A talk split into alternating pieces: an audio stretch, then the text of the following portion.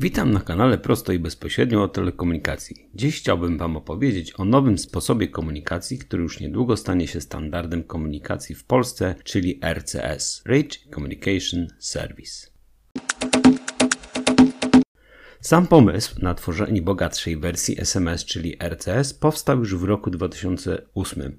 Niemniej nie była to na tyle wizjonerska, przynajmniej dla operatorów i dostawców telefonów wizja, aby stała się ciałem. Zupełnie inaczej zobaczyli to i zaczęli rozwijać tę wizję dostawcy alternatywnych kanałów komunikacji, czyli WhatsApp, Facebook, Google oraz przede wszystkim Apple. W 2011 roku Apple wprowadził pierwszą wersję iMessage'a, która ta stała się prototypem tego, co RCS ma naszym klientom dostarczyć dzisiaj iMessage w odróżnieniu od wiadomości SMS czy MMS jest protokołem, który w całości opiera się o aplikacje na serwerze oraz telefony i nie wymaga dedykowanej platformy SMS, MMS oraz skomplikowanego protokołu sygnalizacyjnego, który był do niedawna w pełni kontrolowany przez operatorów telekomunikacyjnych. Zaleta dla dostawców komunikatorów jest taka, że może on oferować usługi telekomunikacyjne bez integracji z infrastrukturą operatora, zaś wadą jest to, że problem integracji z telefonem w sposób natywny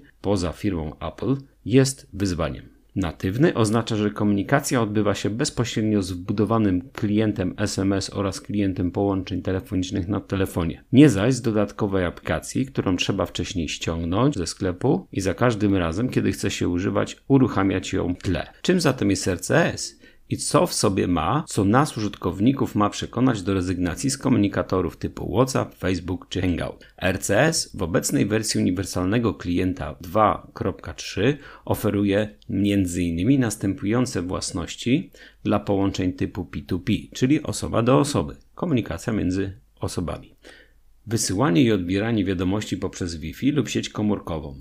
To Wi-Fi jest szczególnie ważne, o czym powiem w przypadku roamingu międzynarodowego. Wysyłanie wiadomości pomiędzy wieloma urządzeniami jednocześnie, czat grupowy do 100 użytkowników, dzielenie się plikami w wymiarze do 100 MB, dzielenie się, nie przesyłanie, pauzowanie i wznawianie współdzielenia tych plików, potwierdzenie przeczytania wiadomości. To jest bardzo fajna funkcja, która pozwala nam się zorientować, czy druga osoba dostała wiadomość. Widoczność, kiedy inna osoba jest w trakcie pisania. Lubimy tę funkcję, bo jesteśmy w stanie zorientować się, że osoba druga jest w czasie pisania wiadomości dla nas, czyli niedługo powinniśmy dostać odpowiedź. Wysyłania plików dużej rozdzielczości. W końcu zdjęcia wysyłane kanałem RCS będą miały rozsądną jakość, a nie jak w przypadku MMS-ów ograniczonej wielkości, jakość była po prostu fatalna.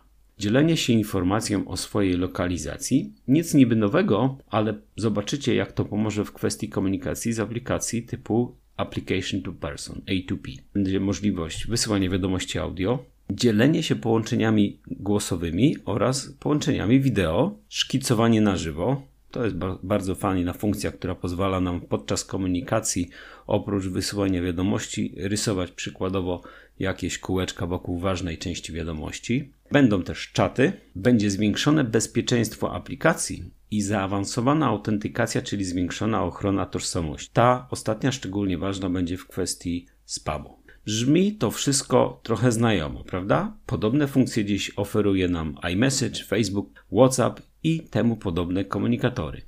Tak jak jednak wcześniej wspomniałem, te funkcje teraz mają być osiągane z poziomu standardowej ikonki, do dziś tylko SMS-a. Jakie są zatem zalety? Ano takie, że nie musi nasz znajomy być w gronie użytkowników Facebook Messengera, aby można było użyć na co dzień zaawansowanej komunikacji między nami. Jeżeli on nie był na dzisiaj na Facebooku, tylko na, na WhatsAppie, nie mogliśmy używać komunikatora, bo jednak te systemy między sobą nie są połączone. Co więcej, jeżeli tylko poznamy numer telefonu innej osoby, od razu będziemy mogli w ten sam sposób, czyli poprzez RCS, wymieniać się wzbogaconymi komunikatami. Sceptycy powiedzą tak, ale ja mam wszystkich swoich znajomych już w WhatsApp i nie potrzebuję tego. To oczywiście może być prawda na dziś, ale nasze życie się cały czas zmienia i cały czas nasza społeczność i nasze grono rośnie. Wystarczy popatrzeć na statystyki. Najwięcej użytkowników systemów do wiadomości w 2018 roku używało aplikacji do SMS. Około 4 miliardów osób miało zainstalowaną tę aplikację. Na drugim miejscu jest WhatsApp 1,5 miliarda, na trzecim jest Messenger 1,3 miliarda, I na czwartym jest WeChat z jednym miliardem. To jest największy system do komunikacji w Chinach. Dla ciekawości podam jeszcze, że Telegram zainstalowało około 200 milionów osób, a Telegram to największa aplikacja do komunikacji w Federacji Rosyjskiej. Jak widać, nadal największy sukces na uniwersalność komunikacji ma RCS jako naturalny następca SMS-a. Jeżeli operatorzy się wezmą za ten produkt w sposób zorganizowany, mają szansę wyprzeć inne komunikatory z rynku bądź ograniczyć ich zasięg. Podsumowując ciekawostki, w Chinach jest około 1,4 miliarda ludzi, a WeChat używa 1 miliard. Wynika to z używania innych amerykańskich systemów na terenie państwa środka. Podobnie Telegram używa 200 milionów użytkowników w Federacji Rosyjskiej, która liczy około 145 milionów osób. To jest ewenement twórcy RCS będą mieli niezmiernie duży problem, żeby nakłonić Chińczyków i Rosjan do przejścia na RCS-a, zwłaszcza jak się zobaczy, jak bogato jest rozbudowana aplikacja WeChat, włącznie z płatnościami poza bankami. To jest wzór do naśladowania dla twórców innych komunikatorów, a szczególnie nowych wersji RCS-a w przyszłości. Tyle a propos dygresji. RCS Business. Co więcej zatem może nam zaoferować RCS co by było takim wow dla nas jako użytkowników. Otóż standard zakłada, że zostanie wprowadzony cały zestaw funkcjonalności biznesowych, czyli tak naprawdę możliwość oferowania dostawcom usług zewnętrznych kanału do komunikacji z nami użytkownikami poprzez ten sam prosty kanał komunikacji wiadomości, czyli tak zwane A2P, aplikacja do użytkownika. Chatboty, czyli automaty do komunikacji z użytkownikiem. To będzie jedna z najbardziej rozwijających się w przyszłości gałęzi A2P, która de facto już dzisiaj jest mocno rozwinięta. Jeżeli chcielibyśmy na przykład zamówić pizzę, wystarczy wysłać wiadomość na numer naszej ulubionej pizzerii, na przykład oferta dnia a w odpowiedzi dostaniemy pełnoekranowe, kolorowe, obrazkowe, interaktywne menu. W trakcie dialogu z automatem będziemy mogli wybierać czy nawigować po menu restauracji do momentu, gdy się zdecydujemy na konkretny zakup. Potem dokonamy zakupu, dzieląc się z pizzerią naszą lokalizacją, to ta uwaga, o której mówiłem wcześniej, płacąc tym samym kanałem przez Blika lub bezpośrednią płatnością na konto operatora albo kartą kredytową i na koniec dostaniemy rachunek w postaci elektronicznej. To, co jest dalej ciekawe, w trakcie pieczenia pizzy i jej dostawy na bieżąco możemy być informowani na tym samym kanale wiadomości, gdzie jest nasze zamówienie. Proste, prawda? i bardzo wygodne, bo wszystko odbywać się będzie przez jeden kanał. Dodam tylko, że nasze kolejne zamówienie będzie już o wiele prostsze, bo automat zapamięta naszą lokalizację i preferencje, zakładając oczywiście, że często zamawiamy pizzę hawajską. Pizzeria to oczywiście tylko przykład. Można sobie wyobrazić zakup biletów PKP Intercity, biletów lotniczych, kuponów do spa itd. Tak i tym podobne. Taki kanał komunikacji uprości nam życie jeszcze bardziej, bo zamiast jak dziś wchodzić na stronę internetową, potem dzwonić do biura obsługi i rozmawiać, a potem oddzielnie zapłacić blikiem lub bezpośrednio dostawcy pizzy, załatwimy wszystkie elementy procesu zakupu przez jeden prosty kanał komunikacji. Mi się to podoba i w sumie czekam na takie udogodnienie. Jedna prosta, szybka komunikacja i sprawa załatwiona. A potem można robić co innego.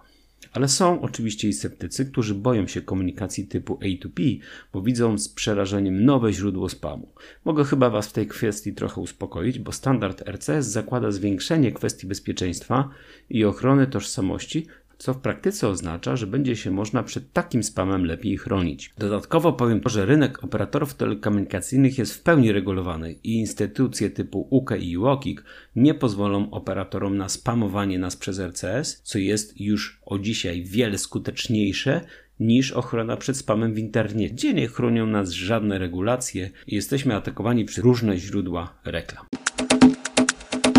Dlaczego RCS jest lepszy od zwykłych SMS-ów za granicą? Dlaczego komunikatory są aż tak popularne poza aspektami naszych wspólnych małych grup komunikacji? Otóż rozwój komunikatorów oraz aplikacji do połączeń Voice over IP, czyli połączeń telefonicznych przez internet, pomijając infrastrukturę operatora telekomunikacyjnego, rozwinął się głównie w związku z ogromnymi kosztami roamingu międzynarodowego, zwłaszcza roamingu międzykontynentalnego. Z punktu widzenia klienta jest to bardzo opłacalne, aby użyć WhatsAppa, będąc za granicą, zamiast wysyłać SMS-y po 3 zł za sztukę, albo korzystać z internetu za 50 zł za 1 MB. I tu tu dokładnie standard RCS odrobił swoją lekcję domową, bo z założenia komunikacja RCS może się odbywać nie tylko po drogiej, płatnej infrastrukturze operatora, ale także poprzez bezpłatne Wi-Fi na lotnisku, dworcu czy u naszych znajomych za granicą.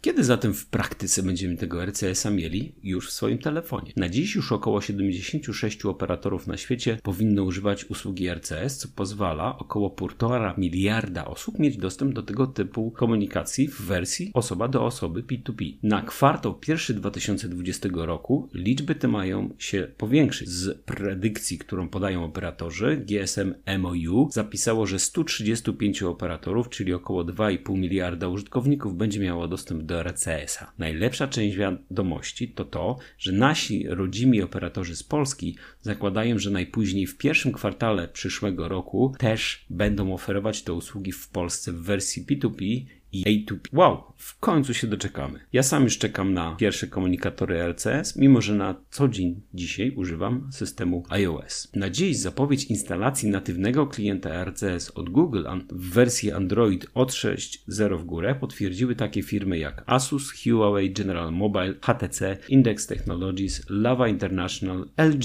Lenovo, czyli kiedyś Motorola, Samsung, TCL, czyli Alcatel Mobile oraz ZTE. Niestety Apple nie potwierdził potwierdził oficjalnie, że zainstaluje na swoim systemie operacyjnym iOS wsparcie dla RCS, chociaż zarzeka się, że nad nim pracuje. Jest im bardzo dobrze za message, nad którym mają pełną kontrolę. Może się jednak zdarzyć, że jak RCS okaże się w 2020 roku sukcesem na świecie, to kolejna wersja update'u iOS będzie zawierała zmianę na RCS. iOS ma penetrację na poziomie 22% wszystkich słuchamek, natomiast w Polsce 2,5%. Za to Android odpowiednio 76% na świecie i 96% w Polsce. Statystyki w oparciu o bieżące dane z statcounter.com. Moim zdaniem to są statystyki pokazujące bazę danych statyczną, czyli jaki jest udział terminali w rynku. W praktyce ilość osób korzystających aktywnie z iOS jest w Polsce o wiele większa niż tylko 2,5%. Tak czy inaczej, iOS dla operatorów w Polsce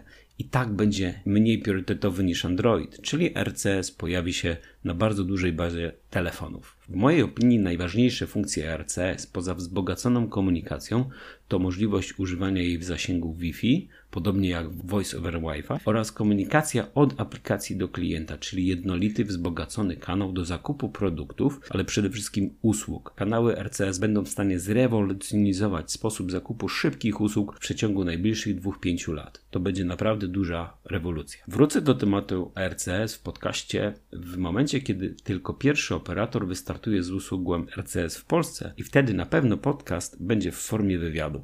Dziękuję za wysłuchanie podcastu prosto i bezpośrednio o telekomunikacji i zachęcam do wysłuchania innych moich odcinków. Trzymajcie się, Andrzej Miłkowski.